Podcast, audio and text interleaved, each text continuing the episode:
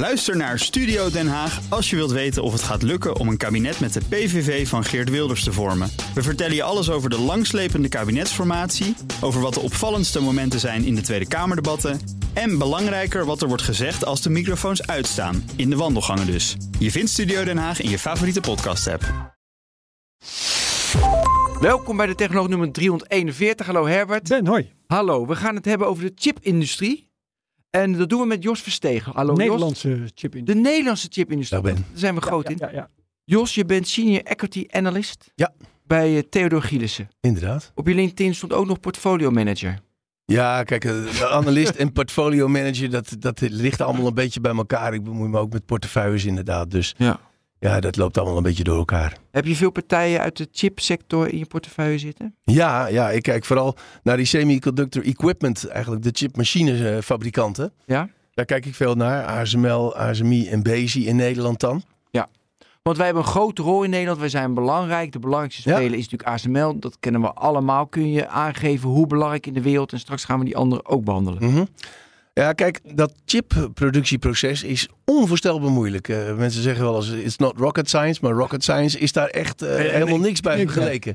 Zo moeilijk is het om, om chips te maken. En je hebt er een ongelofelijke hoeveelheid machines, chemicaliën voor nodig. Nou, in dat hele proces bestaat eigenlijk uit twee delen. Die chips die worden op een zogenaamde wafer gemaakt. Het ziet eruit als voor hele oude mensen dan een LP. Ja. En Ja. de- 300 millimeter. En eh, daar worden die chips in, eh, in laagjes op gemaakt. Eh, daar, heb je het over nanometers. Hè. Tegenwoordig al twee lijntjes van 2 nanometer. En als dat dan klaar is, dan worden die chips, die dice zeg maar, op die wafer, die worden eruit gezaagd. Dat klinkt heel onherbiedig hè, voor zo'n soort delicate apparatuur.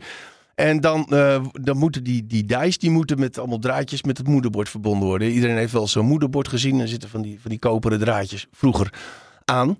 En dat heet de backend. Dat zijn twee andere, dat een hele andere industrie. Maar goed, gaan we terug naar de frontend, waar dus die wafer gemaakt wordt.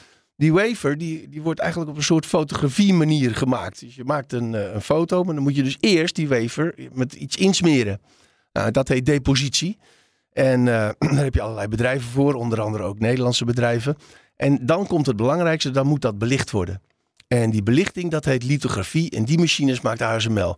En dat is jarenlang eigenlijk, eh, ja, nog steeds ook wel, de manier geweest om steeds weer kleinere lijntjes te maken. Dus om steeds weer eh, ja, met, met, met, een- met een negatief boven zo'n machine een foto te maken die nog weer fijnere lijntjes kon maken. En met steeds weer andere soorten licht, hè? Ja, ja, met een andere golflengte. Ja. Er is, eh, we, hadden, nou, we hebben vier, vijf technieken gehad. Eh, ARF, dat was de laatste technologie. Die had uit mijn hoofd genomen 193 nanometer eh, Waar staat ARF voor, als ik even mag? Eh, argonfluoride. Oké. Ja, en nu zijn we bezig met eh, EUV, Extreme Ultraviolet eh, Ja. Light. Ja. En dat is ongelooflijk moeilijk om daar zo'n zo- zo'n lichtstraal mee te maken. Want ja, daar wordt een, een, een druppeltje zink, wordt vele duizenden keren per seconde, wordt dat, laten ze dat vallen. Ja. Dan beschieten ze dat met een laser. En het moet twee keer beschoten worden. Eerst wordt het beschoten en dan wordt het een soort pannenkoekje. En daarna, als omdat het dan een pannenkoekje is, is het wat makkelijker te raken. Wordt het nog een keer beschoten. En dan wordt het plasma. Dan heb je het eigenlijk over temperatuur eh, als op de zon. En dat plasma dat straalt dat extreme ultraviolette licht uit. En dat is een, heeft een hele kleine golflengte. En daardoor kon het niet meer op een normale manier, zoals het met lenzen ging, eh, ge- gedrukt worden, hè, gefotografeerd worden. En dan moest het allemaal met spiegels gaan gebeuren in het luchtledige. Dus dat, eh, ja, dat is een heel proces geweest om die machine te ontwikkelen. ASML heeft dat ook als enige ter wereld Ja. onder de knie gekregen. Hè? Ja, ze zijn er 20 Monopolie nu. Ja, ze zijn er twintig jaar mee bezig geweest. En zij zijn de enigen die eigenlijk nu nog op die manier kleinere lijntjes kunnen maken. De, die andere machines, die ARF-machines, hebben ze twee concurrenten van in Japan. Canon en Nikon. En eh, ja, die, die, eh, die kunnen tot 10 nanometers ongeveer gaan. Het kan nog wel ietsjes kleiner, maar dan wordt het heel duur. Want dan moet je verschillende keren belichten. Dus ja, ASML is daar heel belangrijk in. We hebben dat natuurlijk, weet niet, misschien zullen we misschien zo meteen nog wel over praten. Maar we hebben daar ook wel de ellende van gezien. Van dat, wij, dat de Amerikanen ons onder druk zetten. Ja, Dat precies, met China. Ja, ja, ja. Maar even, dus omdat ze iets kunnen wat niemand kan. En daardoor heeft, is het bedrijf veel waard. Daarom heb je hem graag in je portfolio. Nou ja, Ja. wanneer koop je natuurlijk in? Maar je hebt natuurlijk lang, lang geleden gekocht. Ehm, in principe zou je dan kunnen stellen, waarom maken ze de machines om, om prijzen zich uit de markt? Ik zit even waar de waarde dan zit. Het is natuurlijk omdat ze de enige zijn, kunnen ze de prijs omhoog. Maar je kan niet Ja, nee, dat is- de prijs omhoog. Nee, zo werkt het niet. Vertel. Ja, nee, nee, het is... eh, Nou, ben je hier, Jos? zij, zij, zij, zijn, eh, zij, zij worden betaald eigenlijk voor de productiviteit van die machine.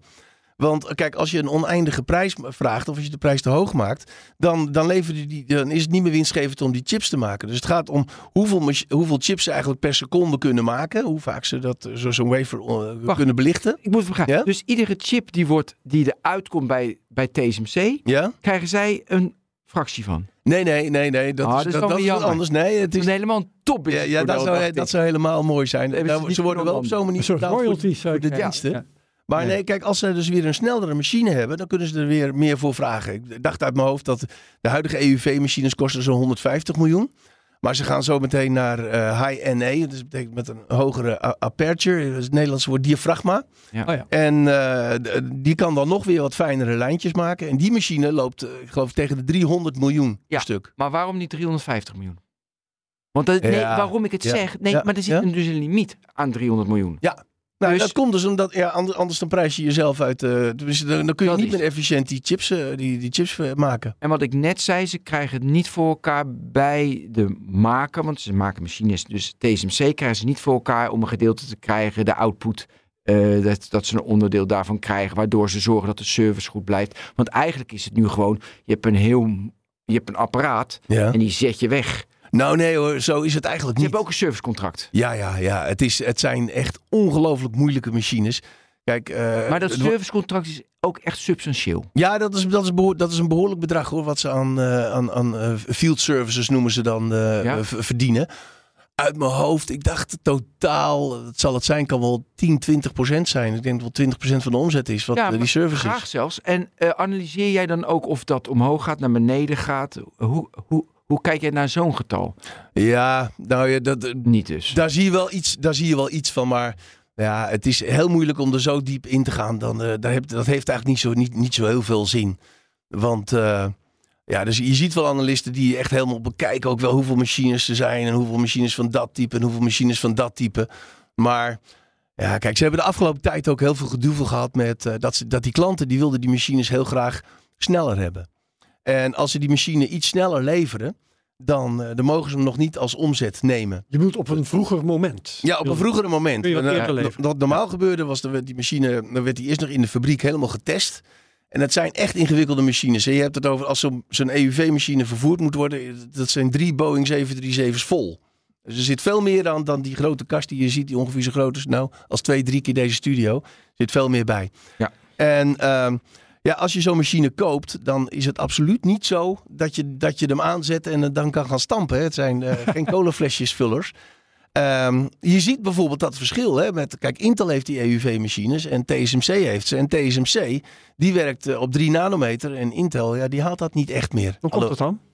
Nou, ze, ze Het kunnen het zijn gewoon de- niet. dezelfde ASML-machines. Het zijn dezelfde machines. En hebben- Intel kan daar niet mee werken en TSMC Nou, ja, wel. de TSMC kan er beter mee werken. Die, die kunnen dus eh, eh, nog weer fijngevoeligere eh, lijntjes. Je kunt toch gewoon mensen van trekken. ASML laten invliegen en zeggen: zorg dat deze machine optimaal werkt. Nou, zo werkt het ook weer niet. Nee, dat is heel interessant. Want hoe, het, hoe, hoe TSMC zo ver is gekomen en die voorsprong heeft kunnen krijgen op Intel, dat zit, er zit de geschiedenis van Philips achter. Philips had vroeger een groot belang in TSMC. Dat hebben ze helaas eh, verkocht al jaren geleden. Spijt. Ja, daar zullen ze spijt van hebben. En ASML ook. Ja. Dus die twee, ASML en TSMC, die kenden elkaar. En die gingen samenwerken. En TSMC vanuit het productieproces en ASML vanuit die machine. En dat heeft heel veel opgeleverd. Wat die mensen bij, bij Intel eh, zeiden. zeiden, Wij zijn Intel, wij zijn Amerikanen, wij weten alles. Zet die machine maar voor de deur neer hier en dan zoeken wij het verder uit. nou, en dat heeft ze dus eh, ja, eh, heel veel ellende bezorgd. Want TSMC, door die samenwerking met ASML, is natuurlijk heel logisch. Als je met de producent samenwerkt, dan, eh, ja, dan, dan, dan kun je verder komen. En, en dat heeft ze verder gebracht dan Intel. Hoe kom jij aan je informatie over. eh, ik hoor je van alles zeggen over het productieproces bij, eh, bij ASML, hè, over hoe die machines werken, over hun contracten, hoe ze hun geld verdienen. Ja. Nu over, over hoe ehm, eh, hun klanten van ASML omgaan met die machines. Hoe Ja. verzamel jij informatie? Het meeste via het bedrijf zelf. Uh, eigenlijk het belangrijkste moment is uh, ja, elk kwartaal de, de conference call. Waarin uh, het bedrijf wat vertelt en waarop analisten dan wat vragen kunnen stellen. Dat is eigenlijk wel het belangrijkste wat je aan informatie krijgt. Maar ja, je Mag leeft op de conference call eerst, eh, eerst... Ja, sorry? Ja? eh, ik luister naar die conference calls van Big Tech, niet naar ASML, meer Ja? van de grote Amerikanen. Ja. En dat doe ik om te kijken van waar gaat het naartoe, wat willen ze lanceren. Dus ja, dat is leuk. Ik luister er ook vaak dat is naar. leuk, want ja. dan zie je van, oké, waarschijnlijk over tien jaar hebben we wel de metaverse. Nee, maar, nee, maar wat ze dan Ja. zeggen, wat wel of niet waar is. Waar luister jij, want ik ben natuurlijk geen analist, waar luister jij specifiek naar? Dus ik luister voor naar de toekomst toe, heel erg. Ja, nou, dat, dat, eh, dat doe ik ook. Eigenlijk om, om, om de lange termijn ontwikkeling te begrijpen. Eh, er is wel vaak, je ziet ook wel vaak, dat is vaak beginnend analisten, die willen eigenlijk weten wat de belastingdruk is en hoe het, hoe het in de komende twee, drie jaar er vooruit, Ja. eruit, eruit ziet. Dat zijn de cijfertjes. Irrelevant. Maar dat vind ik, ja, daar gaat het mij helemaal niet om. Het gaat mij om echt die ontwikkelingen te begrijpen. Eh, ja, wa- wat zij zeggen, van hoe ver ze zijn met, met de ontwikkelingen, de technologische ontwikkelingen. Of bepaalde machines al, al goed werken. Hoe het staat met eh, de ontwikkeling van de technologie. eh, voor ASML dan bijvoorbeeld die eh high-NA machines. Of, of daar alles goed loopt. En daar zijn ze vrij open in vaak van waar de problemen zitten. En eh, hoe ze dat denken op te lossen. Mooi. Ehm, nog meer over ASML, want die hebben een belangrijke nummer één positie. Ja, die zijn echt heel essentieel. Ja. Want ja, die, die, dat, dat is echt gewoon Maar zeg maar... wel opvalt, Ja? nog even over, je zou in theorie, maar dat is dus niet zo, zou je kunnen zeggen, hey, in Nederland hebben wij alle macht. Want ASML, Ja, maar Ja, dat dat- is dus niet die zo. vraag die krijg ik heel vaak Ja. inderdaad van. Want omdat we dus het probleem hebben dat die belangrijkste chips allemaal in Taiwan worden gemaakt. En China eigenlijk zegt van ja, ze moeten eindelijk eens een keer aansluiten bij ons eh, Chinese moederland. Mhm. Ligt dat heel gevoelig en daar is de wereld behoorlijk van geschrokken. Ja. En dus zeggen, wij, zeggen veel mensen van ja, waarom doen we dat in Nederland niet? Waarom zetten we niet de Nederlandse chipfabriek? We hebben ASML. En we gaan dat even doen. Nou, zo werkt het dus niet. Want je moet dus de ingenieurs hebben. Je moet mensen hebben die dat echt kunnen. En dat is Nee, heel moeilijk. ik bedoel ook Ja. van, als ze niet willen luisteren, joh, dan krijg je die machine drie maanden later. Dus jij luistert wel naar mij, Jos. Taiwan of we- welk land dan ook, of in China mag al niet worden geleverd. Ja? Dus je, je hebt, doordat je zo'n positie hebt, kan je macht uitoefenen. Maar goed, je bent ook weer afhankelijk natuurlijk van TSMC, want die moet ze maken. ja, Het is natuurlijk een hele keten. Nou, maar dat, is, dat is heel belangrijk, die keten. Het is een ongelooflijk ingewikkeld proces. Je hebt er voor een chip heb je geloof ik al 80% van het, eh, hoe heet dat, periodiek systeem aan chemicaliën Ah. nodig. Echt, dus, eh, dat is heel ingewikkeld. De, de, de, de fabrikanten, de machinefabrikanten komen uit de hele wereld. In, als je een chip wil ontwikkelen, de software daarvoor, heb je software voor nodig. Dat zijn twee Amerikaanse bedrijven die dat doen. En als je die software niet hebt, ja, dan kun je er niet aan beginnen om een, om een semiconductor te ontwerpen. Dat is alleen voor het ontwerp al. Ja? nog even over de conference call. Eh, Kijk je ook naar de R&D-budgetten, hoe, hoeveel ze natuurlijk. daarin stoppen? Nee, dat is heel belangrijk. Eh, Je ziet eh, dat als, als bedrijven daarop gaan beknibbelen, dan weet je, dan gaat het niet meteen mis, maar op langere termijn kan dat fout gaan. Dat zag je jaren geleden bij HP. Eh, toen hadden we daar eh, nieuwe topman, eh, Carly Fiorina. Mark, M- Mark Hurt, geloof ik, kwam, kwam toen. Zo jaren geleden hoor. En nou, toen ging het de hele tijd heel goed. En op een gegeven moment ja, bleek toch wel dat hij heel, heel veel flink bezuinigd had op R&D. En ja, als je, dat, als je dus bedrijven lang volgt, dan zie je heel zo- zo'n trend dat- er steeds minder R&D wordt be- besteed. Philips dan- niet ook aan de hand. ja, ja, ja, ja, dat Ja. zie je bij Philips ook. Nou, Je hebt het bij meer bedrijven gezien. En kijk, ik weet nog wel goed, eh, bij KPN, toen KPN in de problemen was, ze- zeiden ze dat ook. Hè, van, nou, we gaan even wat bezuinigen op R&D. Kun je wel doen hoor, als je het één of twee jaar doet. De marketing Is niet zo'n probleem, ja. natuurlijk hele makkelijke elementen die je kan... Maar als je, het op, als je het lang doet, ja, dan heb je een probleem. Dus je moet echt veel blijven investeren. En dat heeft ASML altijd, altijd gedaan. Nou, dat was natuurlijk hun core. Hè. Ze, ze moesten wel. En Nikon en Canon, die deden nog van alles ernaast. Die maakten nog camera's en copiers. En ASML, die wist van, van ja jongens, als, we, als wij hier niet in blijven doorgaan, dan eh, hebben we geen bestaansrecht meer. Hey, eh, ASML eh, is voor deze aflevering van de Technoloog eigenlijk buiten categorie. Hè? Want we zouden het hebben over de Nederlandse ja, chipindustrie. daarom, daar moet, daar ASML is helemaal geen chipbedrijf. Hè? Het Nee. is Nee, een nee, bedrijf nee, ze in machines. machines om chips te maken. Maar ze werken heel nauw samen met die semiconductorfabrikanten. Hè. Het, is, het is heel bijzonder, want normaal, ja, als je een toeleverancier bent, dan, eh, dan word je ergens naar de achterdeur gezet van eh, zet het daar maar neer. Ja. Maar daar is het, bij die semiconductorindustrie, er staan die, die, die, die grote chipbedrijven, Intel en Samsung TSMC, die staan cap in hand voor de deur bij ASML Ja. van kunnen jullie onze machine leveren? Maar ASML is eh, dus voor Nederlandse begrippen een ontzettend groot bedrijf. Een beetje een Nederlands eh, Ja, succesnummer. dat is het grootste Europese technologiebedrijf. Hebben de, hebben de andere Nederlandse, want we gaan het vandaag denk ik hebben over ASMI, over Ja, eh, over NXP, Ja. denk ik ook nog wel. Hebben die nog voordeel van het feit dat ASML een Nederlands bedrijf is? Ja, dat vraag ik wel eens aan ze. Ze hebben wel contact, maar nee, eigenlijk in die hele semiconductorindustrie sp- speelt dat helemaal niet zo'n rol. Wel, geopolitiek speelt heel erg, heel erg grote rol, maar ja, landen maakt ook niet zo heel veel uit, denk ik. Het is een hele internationale eh, wereld.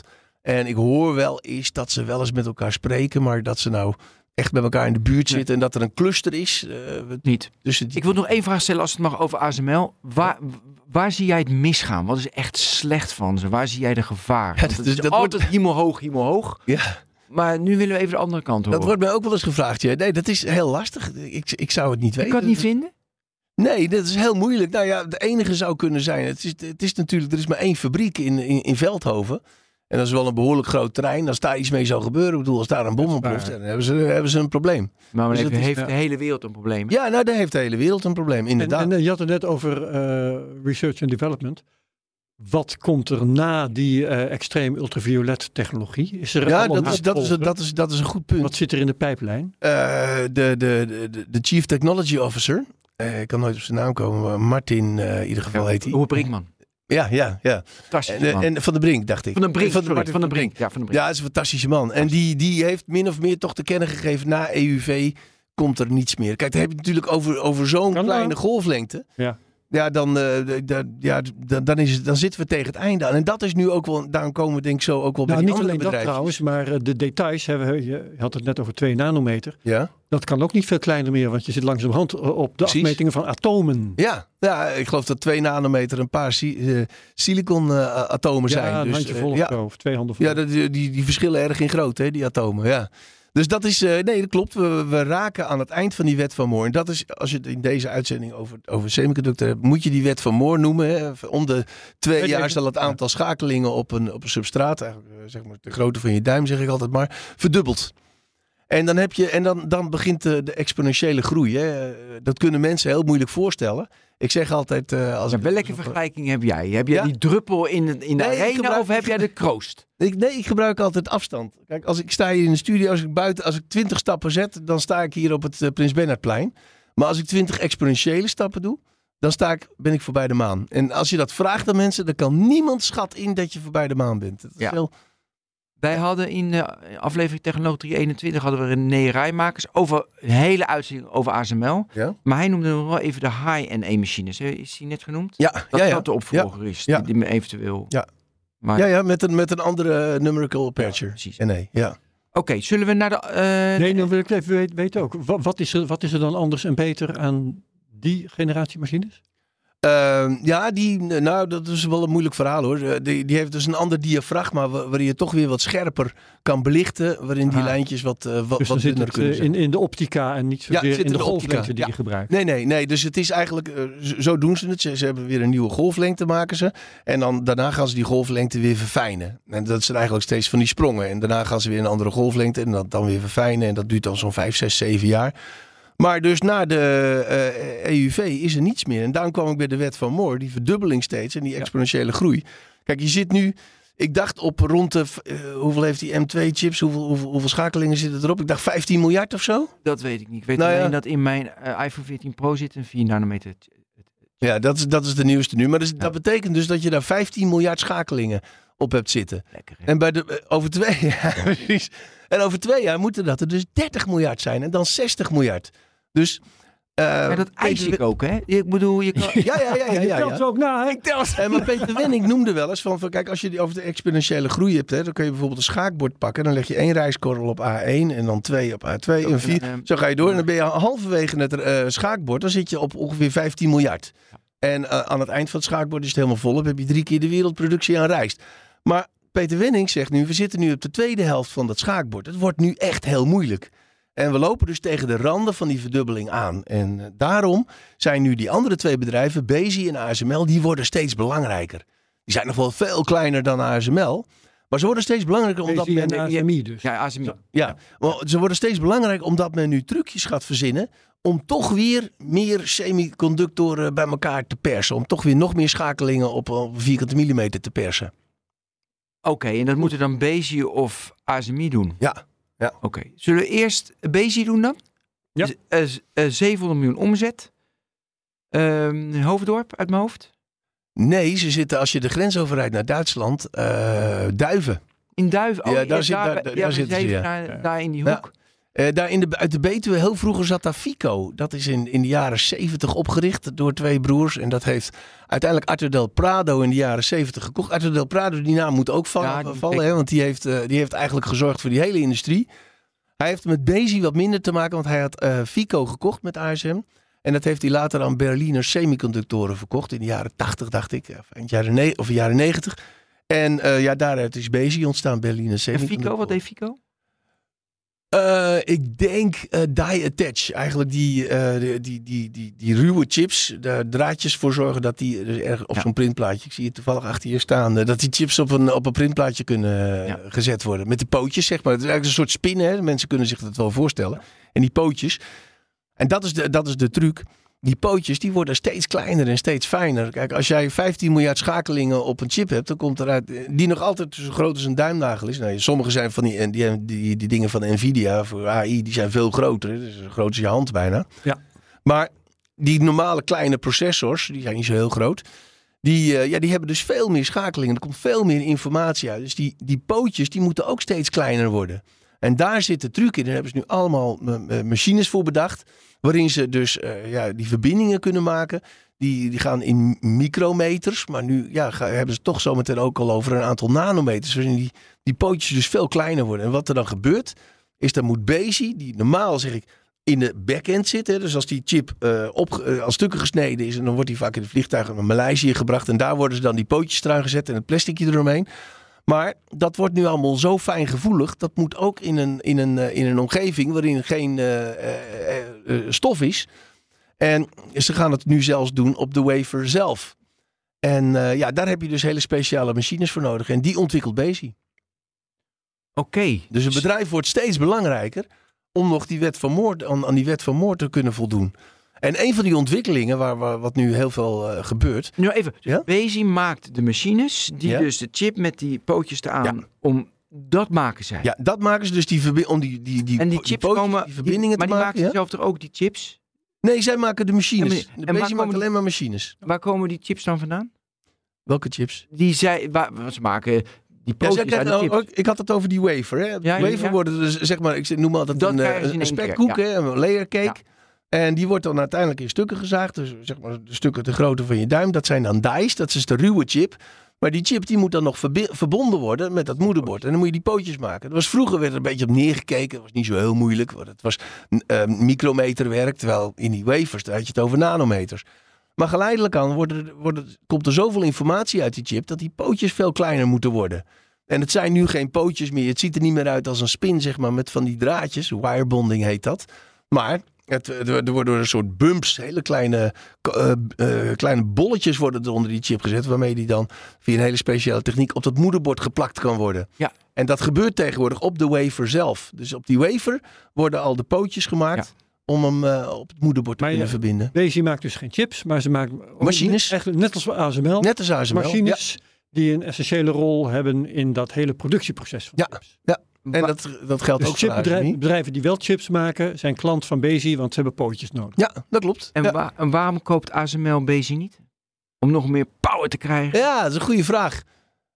Nee, ze zijn, ze zijn sowieso, ze, ze hebben genoeg aan hun eigen ontwikkeling. Ze zijn sowieso niet echt Nee, op maar je koopjesjacht. Maar Als aandeelhouder kan je eisen, je moet, je moet altijd meer groeien, meer rendement, je wilt altijd meer jij. Dus dan kan je eisen van, hé hey jongens, om sneller te groeien, ja dat duurt nu eh, tien jaar, dan heb je de volgende machines, misschien redden we het niet. Je moet eh, verbreden in jouw aanbod van machines, ook Bezi erbij. Nou, ik, Ik ik, zou denk dat, ik denk dat daar- aandeelhouder worden, Jos. Nee, nee, nee, zo ben ik helemaal niet. Koop één aandeel Ja, en je kunt op die aandeelhouder. Ja, ja. nee, nee, ik, ik, denk, ik denk niet, nee, nee, dat gaan ze niet doen. Het zou weinig bijdragen, want Bezi is relatief zo klein ten opzichte van ASML. Ik denk dat eh, ASML veel meer zit in de metrology, eigenlijk het meten. En je hebt een paar co- concurrenten of bedrijven die ook in het meten zitten. Kijk, als je op, na, op, op nanometerschaal werkt, Dan wil je, en je maakt zo'n wafer. Zo'n Ja. wafer kost 100.000 dollar. Als er ergens een paar dingen, als dat ding mi- misgedrukt wordt en een laag mis zit, ja, dan ben je, al, ben je alles kwijt. Dus heb je een enorm verlies. Het gaat bij die wafers altijd om de yield. Dus je moet dus een goed, eh, al die chips moeten goed zijn. Ik doe nog één poging. Dan, dat is dus, dan kopen ze zo eh, meetbedrijf. ja? Ja? Maar dat doen ze om te optimaliseren van de machines die ze nu hebben. Of Ja. En ze, ze kopen dat uit de markt, dus dan kunnen ze geen 300 miljoen, wa- wat je net zei, maar 301, want ze hebben iets meer kosten. Nou, prima. Ja. Eh, met Bezi zouden ze, zouden ze meer een differentiërend aanbod hebben. Dus dat zou in theorie kunnen, maar het is maar 700 miljoen. Ik snap het. niet Nee, daar gaan, daar gaan ze niet. Daar gaan ze, maar, maar in die metrology zou er wel eens wat zitten. Ik heb het geloof ik met ze over gehad over KLA Tankor. Dat is zo'n bedrijf wat dat doet, maar die is wel echt heel, gro- heel goed in, met, in- in metrology. En daar, ja, daar gaan ze wel op termijn denk ik mee concurreren. Maar ASML heeft natuurlijk een enorm voordeel, want ze doen zelf ook veel metrology. Ze hebben een tijdje geleden een ander bedrijf gekocht uit, eh, uit ergens in het Verre Oosten. Ben, HBM dacht ik, ben die naam vergeten. En die zit ook in dat, in dat meten. En ja, kijk, als je zelf die, die, die chips maakt en je, je zet die meetmachines aan je productieproces, heb je natuurlijk een enorm voordeel. Want die machines kunnen Ja. veel beter met elkaar kunnen concurreren. Ja. Dus ik heb het daar wel eens met ze over gehad. Of, de- of ze daar niet eh, dan KLA Tankor eh, weg kunnen drukken. Of misschien wel over kunnen nemen. Of heel erg lastig kunnen maken. Maar dat, dat, dat zien ze zelf nog niet echt gebeuren. Dus dat is het enige eigenlijk waar ze nog wel wat, denk ik, wat makkelijker zou eh, kunnen gro- groeien door groeien. overnemen. Ja. Als het om Bezi gaat, ehm pootjes op chips, Ja? is dat nou technologisch heel uitdagend? Of is Dat dat, was het aanvankelijk niet, maar dat wordt het nu wel. ja, vanwege die miniaturisatie? Ja, vanwege die miniaturisatie. Kijk, het is natuurlijk ook in zo'n iPhone dat- en, en, en zeker in zo'n AR-VR-bril van, van, van Apple. Er moet alles eh, heel klein zijn, heel dicht op elkaar heel licht. Het moet heel erg op elkaar gepakt zijn. Dus ook al dat hele oneerbiedige plasticje om die chip heen. Ja, dat moet, dat moet ook in behoorlijk nauwkeurig technieken ontwikkelen ze dan? Gemaakt worden. Eh, ja, hele, hele, dus he- hele fijngevoelige apparatuur die dat kunnen persen. Heel, heel nauwkeurig, dus op, op micrometer. Zo'n zo'n plasticje eromheen kunnen persen. Maar dat is, daar zit nog niet het allermoeilijkste. Het moeilijkste is bij die die attach. En daar heb je het zo meteen over. Bij die sorry, Koper- niet. Die attach, dus eigenlijk die pootjes Ja. van die spin. Ja, ja. Dat zijn geen pootjes meer, maar dat zijn nu ja, eigenlijk eh, kleine contactjes. eh, koperen contactjes op die chip. En die zijn nu ook echt, eh, nou enkele, ik dacht eh, uit mijn hoofd, ik dacht 10 nanometer. En dat moet nu, nou ietsjes groter nog, maar dat wordt heel klein. En daar zit de kern in van Bezi. Zij noemen dat advanced packaging. En dat is een markt die in de komende jaren enorm gaat groeien. Dus dat is, en dat is het leuke dat Bezi zo klein is. Ze hebben nog heel veel ruimte om te gaan groeien. Hoe, hoe zit het met het aantal? Want eh, ik herinner me die, eh, die allereerste microprocessors van Intel. Die hadden geloof ik 16 pootjes of zo. Ja? Ik neem aan dat dat aantal pootjes ook waanzinnig toeneemt. ja, dat is ook echt veel hoger. Ik weet niet uit mijn hoofd hoeveel het zijn. Maar het zijn er in ieder geval zeker een tiental, enkele tientallen. Oh, dat valt me nog erg mee. Zitten er veel? Nee, dat, maar dat, dat weet ik niet precies hoeveel het zijn. of zo. Want, eh, Nee, dat denk, dat denk ik niet. Nee. Maar kijk, een van de ontwikkelingen die, die Bezi erg meespeelt, is dat. Vroeger, eh, kijk, in, in zo'n processor, hè, een chip, eh, de, de- laten we het over een processor hebben, daar zitten verschillende elementen in. Er zit het rekengedeelte in, de processor zelf, de CPU. Ja. En er zit geheugen in, want die moet natuurlijk eh, constant gevoed worden, moet dingen even tijdelijk opslaan. En er zit een in-out zit erin. En dat is allemaal geïntegreerd in die ene chip. Maar kijk, als je verder gaat miniaturiseren, dan kun je met die in-out, die kun je niet veel kleiner meer maken. Want ja, dat gaat niet meer, want anders kun je niet meer die verbindingen maken met het moederbord. Dus wat ze nu gaan doen, is, is chips opdelen. En dat heet de chiplets. En die kun je dan later weer op, op, op, een, op een, eh, een onderplaat, een substraat noemen ze dat dan. Kun je ze gaan plakken en dan kun je ze net doen alsof het één chip is. Maar om die chips dus onderling met elkaar te verbinden, ja, dan heb je eigenlijk weer over die pootjes. Nou, en dat is dus wat Bezi zo goed kon. Ja. En die zit dus heel goed in die ontwikkeling van chiplets. Eh, als je bij Intel kijkt, die hebben het daar voortdurend over. En dat is echt een hele goede manier om, om, ja, om, om toch weer chips eh, sneller te krijgen. En, en ook efficiënter weer. En, Wat, en, wat, ik, wat ik nu hoor, eh, maar Ja? misschien eh, moet je me corrigeren hoor. We hebben heel lang het gehad over integratie. Ja, het begon met geïntegreerde in- Ja, geïntegreerde ja. circuits. En toen werd alles in een processor gestampt en zo. Maar wat jij nu net zegt, dat klinkt een beetje als desintegratie. Dat je die chip Ja, weer eigenlijk wel, ja. haalt en de, ja. daarna de dingen op, op, een, op een bordje prikt, zodat Ja, het toch weer één chip het, wordt. is, het wordt gedesintegreerd, maar eindelijk, uiteindelijk toch ook weer geïntegreerd. Alleen ja, toch weer op, op een grotere. De chip wordt groter. Hè, dat, en dat, de- als je de- zo- zo'n AI. eh, pro- eh, maar je haalt het grafisch- ontwerp uit elkaar. hè. Ja, je haalt het ontwerp uit toch elkaar. weer ver- verschillende onderdelen met verschillende functies Ja. maken in plaats van één ding. Ja, en ook bijvoorbeeld wat, wat ook gebeurt is eh, geheugen. Geheugen wordt ook nu gestapeld. Er worden die chips eigenlijk eh, in driedimensionaal op elkaar gezet. En ook weer onderling eh, verbonden. En daar heb je dus ook weer speciale technologie voor nodig om, om dat te kunnen doen. Om ze dus zo heel snel te kunnen verbinden. Het gaat niet met een gewoon koperdraadje, maar op een speciale manier. En daar heb je dus ook weer machines voor nodig die dat heel, heel ja, nauwkeurig kunnen doen. Zit de groei van Bezi, is dat dezelfde methode van groei als ASML? Dus eh, moeilijk, eh, wel iets uit, weet je, dat ze het nog kleiner kunnen maken. Ja. Of hebben ze nog andere manieren van groei? Nou, ah, Bezi neemt nog wel eens wat over. Ik dacht dat het Bezi was die een tijdje geleden nog met een convertible is gekomen. Toen hadden ze Een het idee. convertible, wat is dat? Ja, een converteerbare lening. Dus Oh. een, lening die je uiteindelijk Ah. kan converteren in aandelen. En daar, daar, toen zagen ze waarschijnlijk een mogelijkheid om een bedrijf over te nemen. Ze hebben wel wat, eh, wat overnames gedaan, maar dat is alweer lang geleden. Het waren goede overnames waarin toch nog weer een bepaald soort machine eh, gekocht werd. En, en, ja, wat, wat heel dicht bij elkaar staat. Je moet bedenken dat die, die, die, die, die chipproductie, dat zijn vaak rijen machines. Dat is erg ingewikkelde systemen die allemaal, allemaal aan elkaar geschakeld zijn. En eh, ja, daar hebben ze wat overnames gedaan. En eh, dat liep goed. Maar ja, die laatste overname is, toch, is er toch niet gekomen blijkbaar. Ik denk dat ze het gewoon te duur vonden of er is iets anders misgegaan. Maar ze zijn altijd wel behoorlijk eh, oplettend. Ze Ja. gaan niet zo gauw te veel Maar ze betalen. vertellen je ook niet alles, zo te horen. Nee, nee, nee, nee, nee. Zeker dat soort dingen. Die krijg je nooit Maar over. is Nederland nu voornamelijk, even, even tussendoor, voornamelijk goed met in de chipindustrie door dankzij Philips dat die zijn begonnen. Als dat niet had bestaan, hadden we nooit ASML gehad, nooit NXP gehad, Bezi Ja, wellicht. Maar ja, dat dat is- Prado ja. hadden we ook Philips Del nodig. Prado Nou, is, die is het belangrijkste. En, Ja, maar die, ja, die, die is ermee begonnen, dus met ASMI. Ja. En toen heeft hij. eh, eh, Ja, maar daarom ja? even, komt dat echt, eh, hoe belangrijk is die rol van Philips? Ja, Ik die is heel belangrijk. Ik denk het belangrijkste. Del Prado heeft toen. zijn ze op een, in een.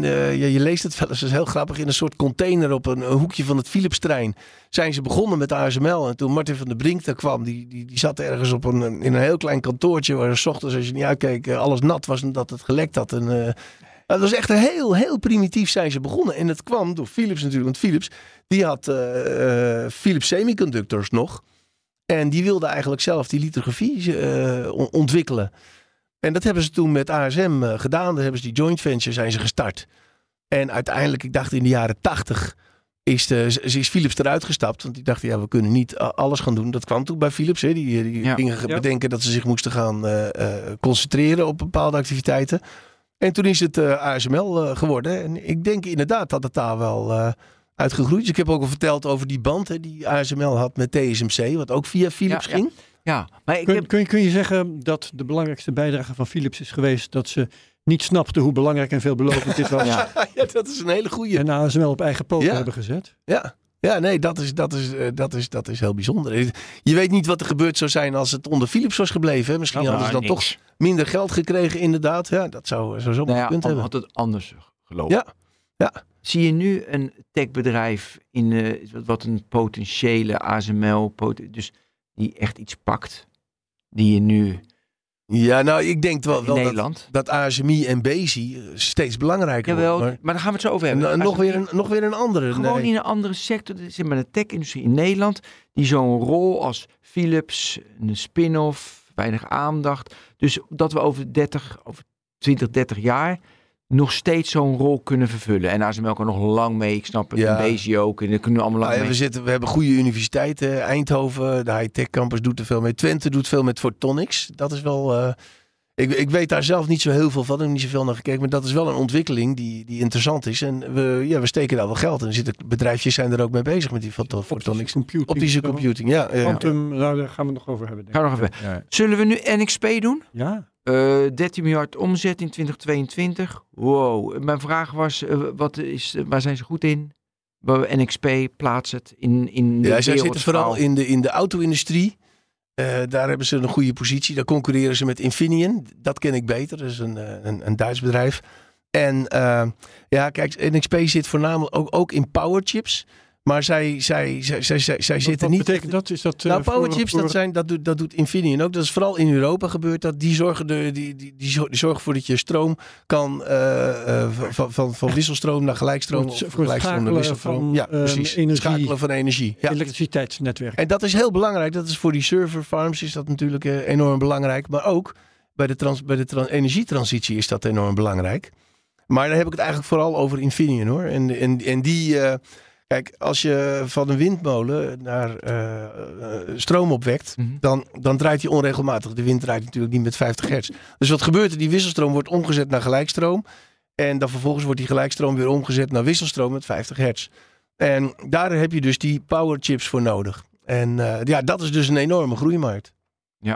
Dat geloof ik graag. Maar 13 miljard, ik dacht toch, als je het vergelijkt met, eh met Bezi 700 miljoen, ik dacht NXP groot. Ja, 13 het is, het, is, het, is, een- het is een groot bedrijf inderdaad. Maar Philips heeft het toen de tijd verkocht. Met het idee van Philips Semiconductoren. Ja, we kunnen niet. Het, het is een bedrijf wat eigenlijk net niet bij de top 10 zit. Het zit er ja, net rond top 10 of net weer de, eronder, hoe je het noemen wil. En ehm, je moet in die semiconductorindustrie moet je heel groot zijn. Je ziet nu ook dat die, die, die, die top eigenlijk steeds verder vooruit sprint. Hè? TSMC, Intel en Samsung. En die, die, heb al verteld van, van dat die chips zo moeilijk zijn te maken. Er moet zo ontzettend veel geld in. Dat als je in het tweede echelon zit, ja, dan wordt het heel Maar moeilijk. dat kan dus niet. Dus de grote, TSMC, Samsung. Dus dat zijn de grote. Maar kan je niet in een niche, wat ze nu Jawel, doen, ja, ja. auto-industrie, daar ben ik de allerbeste in? Of zijn dat vrij algemene chips, waardoor... Ja, dat, is, het- dat is het punt. dat Dat, zijn het. vrij algemene, makkelijke chips. En weet je wat heel grappig is? Eh, als je kijkt bijvoorbeeld naar de machines van ASML. Hè, ze zijn dan in de jaren 80 begonnen. Ik dacht dat dat eh, de i-line heette. En eh, die, die, die, die, die machines die worden nog steeds gebruikt. Bijna elke machine van ASML wordt nu Echt nog gebruikt. Ja, er is, er, is, er is bijna geen één op de sloop beland. En die machines, die ouderwetse technologie, ik geloof dat het, dat het vijf golven zijn geweest. Die, die worden, voor- vooral die oudste, die worden voor de auto-industrie gebruikt. Ja. Dat zijn chips die moeten het gewoon. Kijk, een auto moet het tien jaar kunnen doen. En eh, ja, dat moet, mag een vrij grof ding zijn. Met een grote plastic, plastic eromheen. En daar heb je dan wel die spinarmen, zeg maar, eh, voor die chips. En die moeten het gewoon tien jaar, tien jaar blijven doen. En dat is vrij eenvoudige technologie. Maar er moeten ook software-updates komen. Dus Ja, ja, ja, ja, moet dat ja. blijven ondersteunen. Ja, dat, wordt, ja, dat gebeurt wel inderdaad. Ja. ja. Nou, dat is, dat, ik vind het echt heel bijzonder. Dat wist ik niet. Dat die machines van ASML zo lang meegaan. Ja, want je hebt zelfs ook nog blijven. die wafers, die, die zijn in de, in de afgelopen jaren steeds groter geworden. Ze begonnen met, nou, weet ik niet, de ti- 10, 20 en dan 300 na, eh, millimeter. Dus er zijn verschillende maten. Er zijn wel vijf of zes van die slagen geweest. En dat was mooi, want dat heeft, dat heeft Intel, dat toen de tijd, dat kan ik me nog wel goed herinneren, met ASML. Toen wilden ze naar 300 millimeter. En, maar dat kostte natuurlijk ongelooflijk veel geld. En ASML zei, ja, is leuk als jullie naar 300 millimeter willen. Maar dan moeten jullie dat financieren voor ons. En dat hebben ze toen gedaan. Toen hebben ze ook een belang gekregen in ASML. Mochten ze niet verkopen aan anderen. Dat was Intel, Samsung dacht ik en eh, TSMC denk ik. Die hebben, die hebben dat gefinancierd. En de truc daarbij was... Als jij naar 300 nanometer gaat, die wafer dus groter maakt. Dat is hartstikke efficiënt. Hè? Want je kunt dan in één klap meer chips drukken. Je concurrenten die een stuk kleiner zijn, die kunnen dat niet meer betalen. Dus daardoor hebben ze ook een enorme voorsprong eh, gemaakt, Intel. Die konden gelijk een heleboel kleinere partijen uitschakelen. Want die konden niet meer meekomen, die konden daar niet meer in investeren. Ze hebben nog geprobeerd naar 450 mm te gaan. Maar toen zei ASML van, nou, dat, dat wordt te gek, dat gaan we, gaan we niet meer doen. Maar het ging over NXP. Ja? En je zei, eh, Philips was niet zo geïnteresse- geïnteresseerd in NXP, want die was niet groot genoeg. En dan Ja. op de, op de wereldmarkt toch een beetje moeilijk. Ehm, maar waarom bestaat NXP dan nog? Gaat blijkbaar toch best wel goed met ze. Ja, nee, het gaat, het gaat best wel goed met ze. Maar ik moet je zeggen, ik heb nooit zo heel erg goed naar de NXP gekeken. Dus eh, het is jammer. Ik heb er nooit de tijd voor gehad. Ik bemoeide me meer met Infineon. Dat vond ik leuker. Maar leuker of wat? het Ja, andere? aantrekkelijker. aantrekkelijker. Vooral vanwege die waarom? powerchips. Waarom vind je NXP dan niet interessant en Infineon wel? Jawel, ik vind, het wel, ik vind het wel interessant hoor. Maar minder. Minder interessant. Ja, er kwam ook omdat er wat minder vraag was van, van, van, van klanten die er wat minder... Maar er roept wel een andere vraag op. eh, want wij hebben ons dan voorgenomen om met deze technoloog te praten over de Nederlandse chipindustrie. Ja. Ehm, is dat eigenlijk wel relevant? Is dat eigenlijk wel een goed idee? Nee. Of moeten we het hier hebben over de Ja, slecht idee. We gaan iets anders doen. Nee, Nee, serieus. nee. Moeten we het eigenlijk hebben over de Europese chipindustrie in de Dat wereld? is, dat is heel belangrijk, ja, ja, ja, ja, ja. Ik weet dat er in Nijmegen een chipfabriek staat. NXP heeft natuurlijk ook heel veel andere fabrieken elders in de, in de wereld. En eh, Nederland is daar maar een hele kleine schakel in. Dus eh, nee, dat is, eh, Nederland is vooral belangrijk voor die, die, die, die semiconductor equipment. Noem ik dat altijd maar in, goed Nederlands. Hè? De machinemarkt, de chipmachinemarkt. Eh, maar je moet ook bedenken dat toevallig ASML dan alles vrijwel in Veldhoven heeft staan. Die laser die staat dan in Amerika. Dat is dan van. Daar worden die lasers gemaakt. Maar zoals ASMI bijvoorbeeld, die heeft heel veel R&D en fabrieken in Azië staan. En Bezi heeft ook niet zo gek veel meer in Nederland staan. Dus het is, dat heb ik ben begonnen, het is een heel internationale wereld. Het is, bijna elk land heeft, bemoeit zich er wel mee. Je hebt grondstoffen nodig uit de hele wereld. Ja, het is ja, volledig wereldwijd geïntegreerd. En eh, ja, ASMI moeten we het nog over hebben. Je Ja. noemt ze nu, maar ehm, in het verlengde van mijn vraag, eh, als het gaat om overheidsbeleid, ehm, is er dan nog iets als zinvol Nederlands overheidsbeleid? Of moet je wat dat betreft eigenlijk ook gewoon naar Europa kijken? Ja, moet je naar Europa kijken. En ik vind het eigenlijk wat er uit Europa komt, is ook wel tamelijk teleurstellend hoor. We hebben toen. We hebben het Chips Act. we hebben zo'n Chips Act. Ik geloof dat 53 miljard. 43 miljard. dacht 43 ik, miljard. wordt daarin gestoken. Maar wat ik erover. Ik heb er niet zoveel over kunnen vinden nog. Maar wat ik erover lees is dat er geloof ik echt. Als je kijkt wat er nou echt van de Europese overheid komt, dan is het 3 miljard. En die 40 miljard die moet dan uit het bedrijfsleven komen. Terwijl als je naar Amerika kijkt, dan wordt er 52 miljard 52 echt vanuit de overheid gegeven. En als je kijkt wat er in Azië geïnvesteerd China, wordt. China heb je het- 143. ja, miljard. 143. En Taiwan, daar hebben ze het over drie, 300 miljard in de komende jaren. Eh, Dus- voor- voordat we daar verder over gaan, eerst nog even ASMI onder de loep nemen. Want Ja, of we gaan het heel spannend houden. Dat mensen denken, oh, ik wil zo graag ASMI horen. Dat we de, de- nee, ASMI. Oké, Ja, ASMI. ja. en, dan, eh, en dan beleid. En dan beleid. ASMI, eh, ik had net opgezocht. Hoeveel miljoen, eh, 2 miljard uit mijn hoofd. Shit, dan ben ik dat documentje kwijt. 2 miljard omzet. Ja, dat zoiets. zou kunnen. Dat zou kunnen. Ehm, wat kan je daar? Is het interessant? nou, wat, kijk, waar specialiseren ja, ze zich in? Hebben ze een positie? Ja. Die zitten in de depositie. Hè? Ik vertelde al van je moet eh eerst zo'n chip, zo'n zo'n wafer moet je, moet je eh, klaarmaken met, met chemicaliën. En ehm, eh, dat is wat ze doen. Ze hebben daar speciale machines voor. Het gaat vaak op een chemische manier. En zij zijn heel erg goed in Atomic Layer Deposition. ALD heet dat. En daar kun je dus via, via chem- chemische reacties. Je legt die wafer in de machine, komt een chemische reactie. En dan kun je laagjes maken van één of twee atomen dik. Heel nauwkeurig. En wat er nou gebeurd is, is dat die, die transistors, die waren op een chip, die waren eigenlijk tweedimensionaal. Het was een plat ding. Je had de, de, de bron, je had eh, de afvoer en de- daartussen lag dan eh, de, de brug, die Gate, dan, eh, ja. de gate, die, die hem aan of uitzette. Dat was, dat was min of meer tweedimensionaal. Maar ja, dat werkte niet meer zo goed. Dat ging lekker. Dus wat hadden ze toen bedacht? Die gate die moet eigenlijk meer om die, om die stroom eigenlijk heen liggen. Dan had je finvet noemden ze dat. Dat noemden ze finnetjes. Dat was al wat meer eh, driedimensionaal. Maar tegenwoordig, en dat, dat, daar beginnen we net mee, dat heet gate all around. Moet je onthouden. Dat betekent, dat dan werken ze met nanosheets, waarbij die gate helemaal om het stroompje heen ligt, waardoor je het beter kan beheersen. Maar je moet bedenken, als je, of je een plat vlak hebt, of dat je een ingewikkelde structuur hebt, als je dat met twee een laagje van twee atomen moet bedekken, dan wordt het ingewikkeld. En veel van die technologieën, die zijn al heel oud. ALD bestaat ook al jaren. En ASMI is zo slim geweest. ALD is Atomic Layer Atomic Deposition. Layer Ja. Waarin je dus die hele dunne laagjes kan maken. En eh, zij hebben daar een tijdje geleden ook een eh, goede overname over gedaan. Die, het bedrijf was daar ook goed in. En zij eh, hebben daar een flinke markt in. Zij, hebben wel 60% van die markt ook. Dus, dus niet zo sterk als eh, ASML, die 100% bijna heeft van de markt.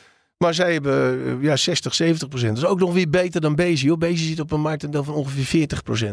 Maar ASMI, Dus- wat, wat, dat is dus ook weer het verkopen van een techniek Ja, machines. aan bedrijven die zelf chips maken. Ja. En zij werkte veel samen met Applied Material. Applied Material is ook een hele grote.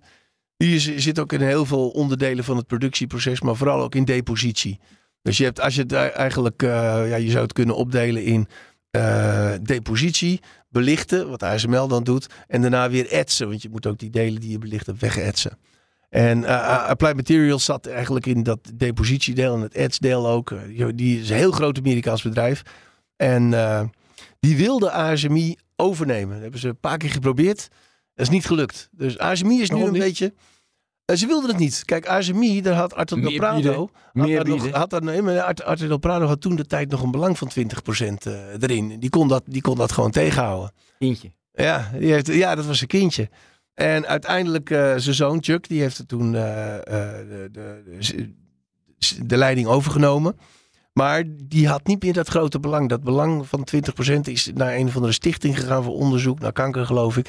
Dat heeft Arthur aan, aan die stichting overgelaten. Dus ja, die, die macht is daar een beetje weg. Maar uiteindelijk ja, hebben ze toch gezien van dat dat niet gaat. En wat wel interessant is, eh eh, ASMI zit er een beetje tussen de laken en het servet. Het, is niet, het hoort, behoort niet bij de allergrootste, maar het is ook niet de allerkleinste. Dus het zou nog wel eens kunnen dat er iemand anders het misschien nog een keer eh, overneemt.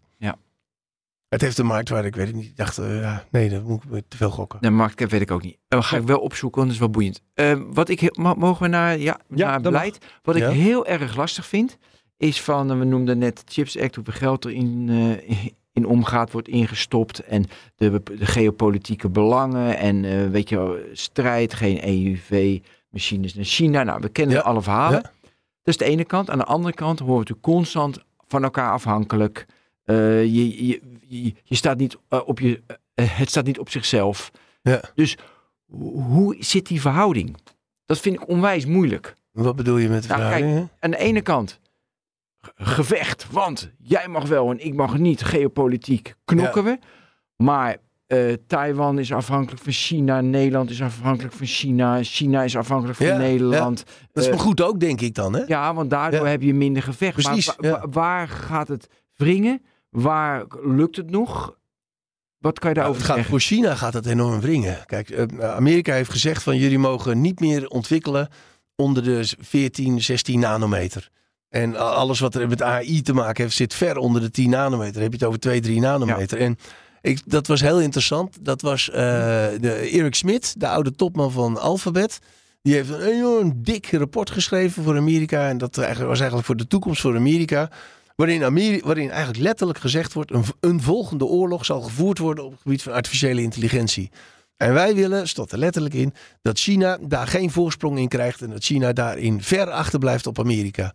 En in dat rapport stond ook al, dat was al vier, denk vier, vijf jaar geleden, dat ze wilden dat ASMI, ASML geen EUV-machines, maar ook geen ARF-machines, de, de oudere technologie, Ja. aan China gaat leveren. China moet volledig afgesneden worden om zelf die hele belangrijke eh, chips te maken die, eh, die goed zijn in artificiële intelligentie. En dat is aardig gelukt.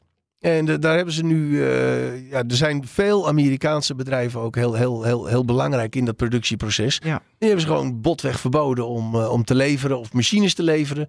En eh, ja, Ch- Ja. Ch- Ch- China staat met de rug tegen de muur. Nou, Dit hebben we in de technologie wel vaker besproken. Ik denk met René Rijmakers. ja, ik denk het wel. Maar in ieder geval, ehm, je dwingt op die manier China om dit soort dingen zelf te ontwikkelen. Ja, Eh, dat gaan ze natuurlijk proberen. En eh, ze hebben dan een heel groot voordeel ten opzichte van ASML toen ASML het ging ontwikkelen. Namelijk China weet al dat het kan. ja, ja, ja. Nou, dat is waar. En ze Maar hebben het tien is, jaar, hè? gewoon tien jaar in China willen ze ook bovenaan staan. En ik weet, het is met vergrijzing en hoe kunnen ze het zo, zo snel doen. Maar ze weten dat ze het kunnen. ja, het Ze is, hebben het is zoveel- moeilijk hoor. Miljoenen ingenieurs. Kijk, het is wel interessant. De- ik heb een verhaal gehoord dat er een ARF-machine ergens op een universiteit van, van Beijing staat. Maar die krijgen ze niet aan de praat. Dat, dat lukt ze niet. Ze willen het allemaal kopiëren. Er komt omdat er natuurlijk heel erg veel software in zit. En eh, ASML zegt wel eens van, zo gauw er één schroevendraaier in die machine wordt gezet, wordt zoep, alle software eruit getrokken. Dus ja, er zit heel veel software in. En dat maakt het ook zo eh, ontzettend moeilijk. Dus jij denkt dat China, omdat ze dus niet meer de snelste chipmachines krijgen, het als wereldmacht niet gaat redden. Nou ja, ze, nou, ze zijn wel behoorlijk machtig. Maar met die, met die semiconductoren hebben ze een groot probleem. Dat Ja, kan- gaat wel echt wel minimaal tien jaar duren voor ze zelf die machines Ja, hebben. als Jos net zegt dat eh, hè, er een groot verschil is tussen Intel en TSMC. Ja, Omdat eh, eh, Intel denkt, ik, kan- wij kunnen het zelf wel, geef ons maar zo'n machine. ja precies. Nou, als, als dat dan al niet lukt, dan begin Ja. ik ook inderdaad te geloven dat China, eh, zelfs als ze zo'n machine hebben, dat ze hem niet, niet optimaal Ja. in elk geval aan de praat krijgen. Nee, dat, dat klopt. Dat is echt heel erg moeilijk. Ze zijn wel, ik, je leest af en toe wel eens in de krant dat er, dat er dan bepaalde onderdelen uit Japan worden gekocht. En dat ze, dat, eh, mee, dat ze aan het testen zijn. Maar het is heel moeilijk. En ze, ze zullen misschien met heel veel kunst en vliegwerk. Misschien wel 10 nanometer met de huidige machines die ze hebben, hè, 10 nanometer kunnen maken. Maar ze zullen in ieder geval nooit een bedreiging zijn. Want die machines zullen nooit heel snel en efficiënt zijn. Die zijn altijd duur. Je kunt met heel veel kunst en vliegwerk kun je zelfs misschien wel met de machines die daar nog staan. eh, eh, lijntjes trekken van, van 6 of 8 nanometer. Ja. Dat, dat, zou, dat zou lukken, maar om het commercieel te doen, dat is nog een heel ander verhaal. Hè? Want je kunt uiteindelijk wel die machine hebben en je kunt het misschien wel technisch ma- eh, maken, maar je moet het ook nog commercieel maken. Dus dat betekent dus dat je het snel moet kunnen doen en je moet het heel nauwkeurig met een hele goede yield. Dus die, die, die wafer die moet, moet overal goed passen. Nou ja, omdat, eh, weet je, de, de macht die de, de vierde industriële revolutie, wie wint? Dus eh, Mhm. is dat Amerika, is dat China, is dat Europa? Europa lijkt me lastig. Nee, je hebt een grote achterstand. Precies, maar natuurlijk heel veel analisten zeggen dat wordt gewoon China, want ze kunnen die machines straks wel namaken. Maar ik Ja. vind het opvallend. Dat is een mooie uitspraak. We hebben Maar de, de, wat- de ja. prestatie van ASML wordt op die manier toch al maar groter, hè, als je het zo beoordeelt. ja, Ja. ja, dat is. Nou, wat misschien nog wel interessant is, vaak wordt er ook wel gezegd van. eh, kijk, China heeft al heel lang gezegd dat ze Taiwan eh, bij het moederland willen laten aansluiten. En dat zou, er wordt dan gezegd van. Ik heb dat in het begin was ik is ook wel eens bang of, voor. maar wanneer. De wanneer, ja. ja.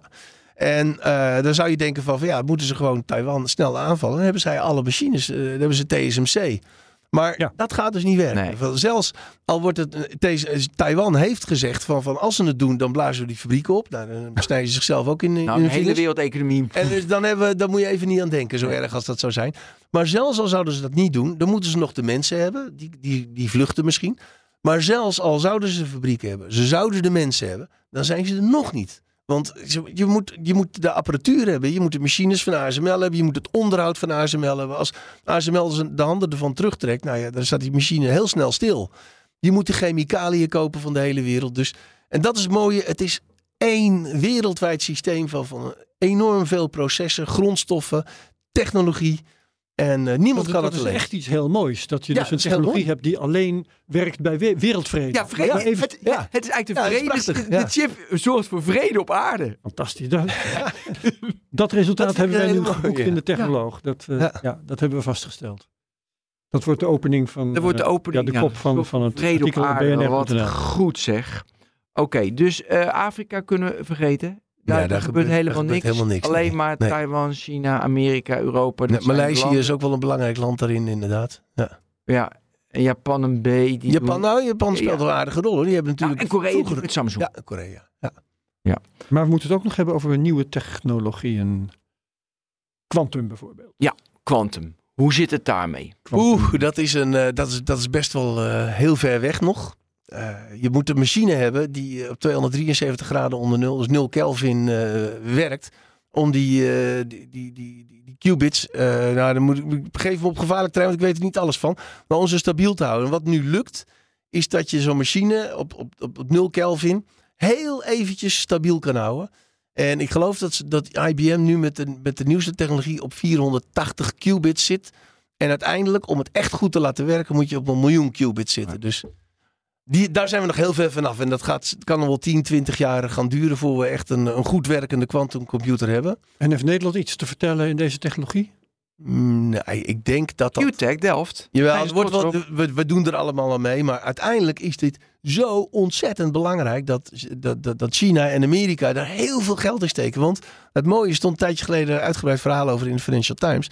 Degene die een goed werkende quantumcomputer heeft, die kan bijna alle passwords kraken op de wereld. Ja. Dus eh, dat, wordt, dat maakt het heel lastig. Dus het is toch wel dat iedereen eigenlijk ja, eh, gedwongen heel hard loopt om, om, om dat ook te ontwikkelen. Want degene die dat als eerste heeft, is eigenlijk net als met de atoombom hè, in, de, in de jaren 40.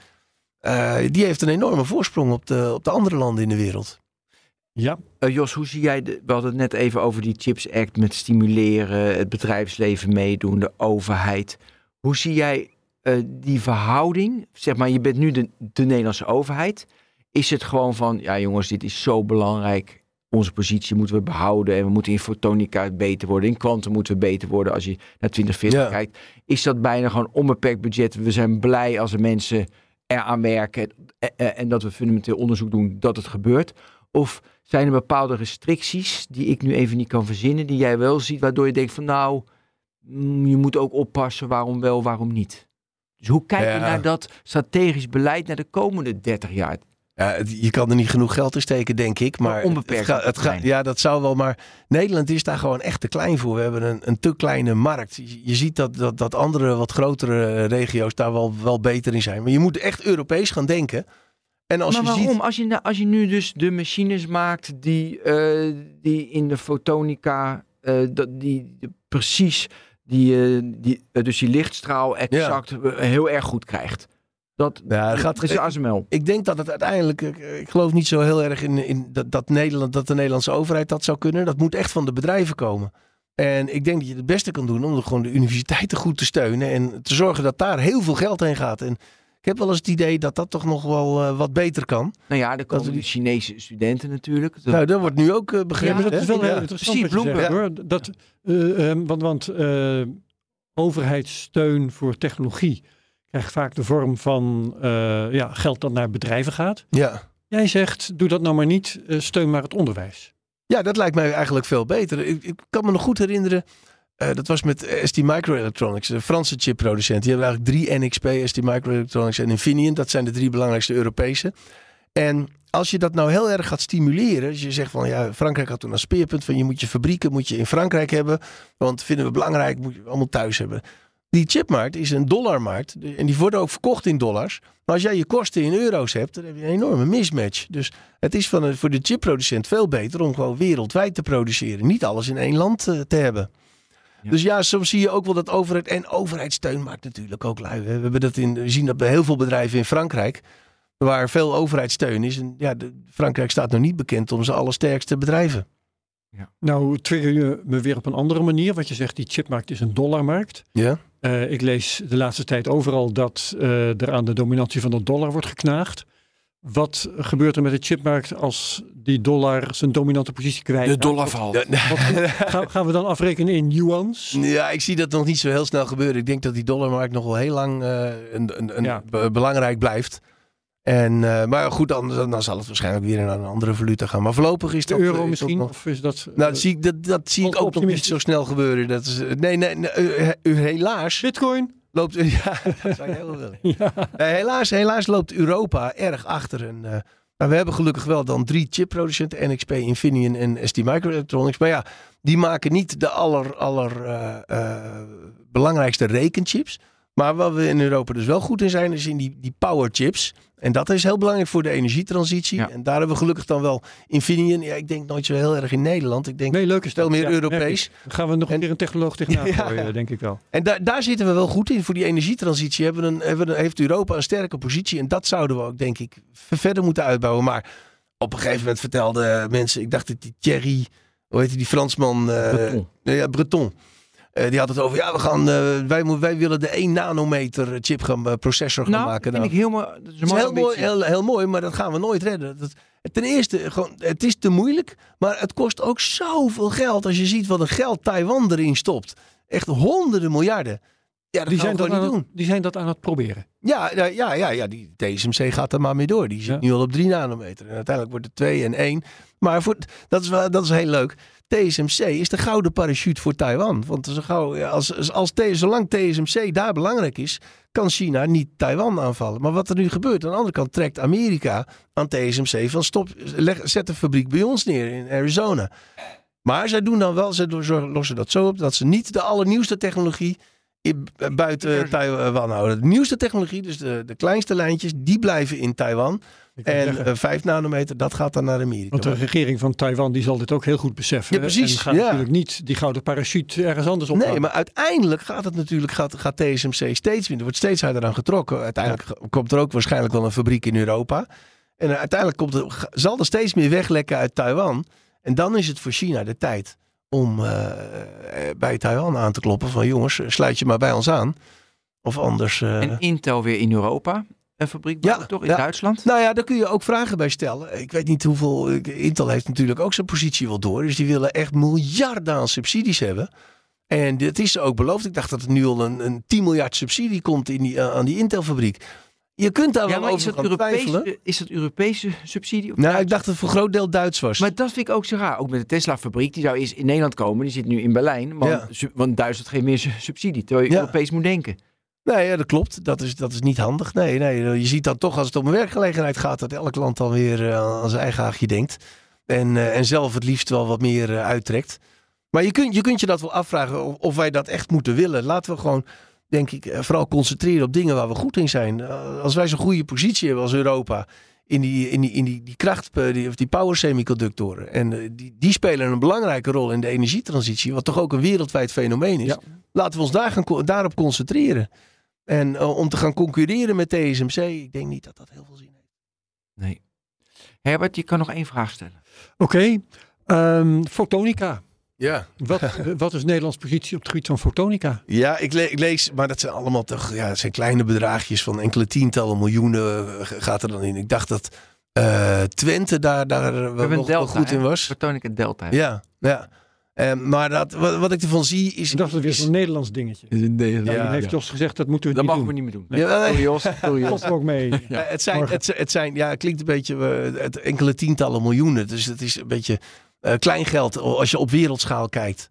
Eh, het is goed dat het gebeurt, maar het is niet dat we daarmee, denk ik, de Is wereld het gaan überhaupt veroveren. wereldwijd een technologie eh, waarmee we de oorlog gaan winnen? Nou, uiteindelijk zit er wel veel toekomst in. Er wordt veel Ja. naar gekeken. Ja, het, het, het, het kan toch weer veel fijner werken dan, eh, dan eh, een, een, een chip die met elektronen werkt. Dus ja, er zit wel toekomst in, maar het is ook weer ja, ver weg. En, en zeker als belegger ja, blijf je toch een beetje bij, bij dingen waar je A in kan eh, beleggen. Ja. En, eh, en, en, en ja, wat niet al te ver eh, voor, voor, voor- vooruit zit. Want ja, daar heb je niet zoveel aan. Dat is nog niet op de markt. Dat kun je niet kopen. Ja, dus niet voor niks dat het hier achteraan stond en niet vooraan. In de Ja. Technoloog. Oké, nou de conclusie is de chipsector eh, is de vredestichter. Ja. Vrede dankzij Ja. de chip. Mooi. En we moeten op Europese schaal kijken en zeker niet op Nederlandse schaal. Nee. Exact. Jos Versteeg bedankt. Graag gedaan. Ik vond het erg leuk. Ja, wij ook. Ben Herbert, bedankt. bedankt. Ja, perfect. Tot de volgende technoloog. Hoi hoi.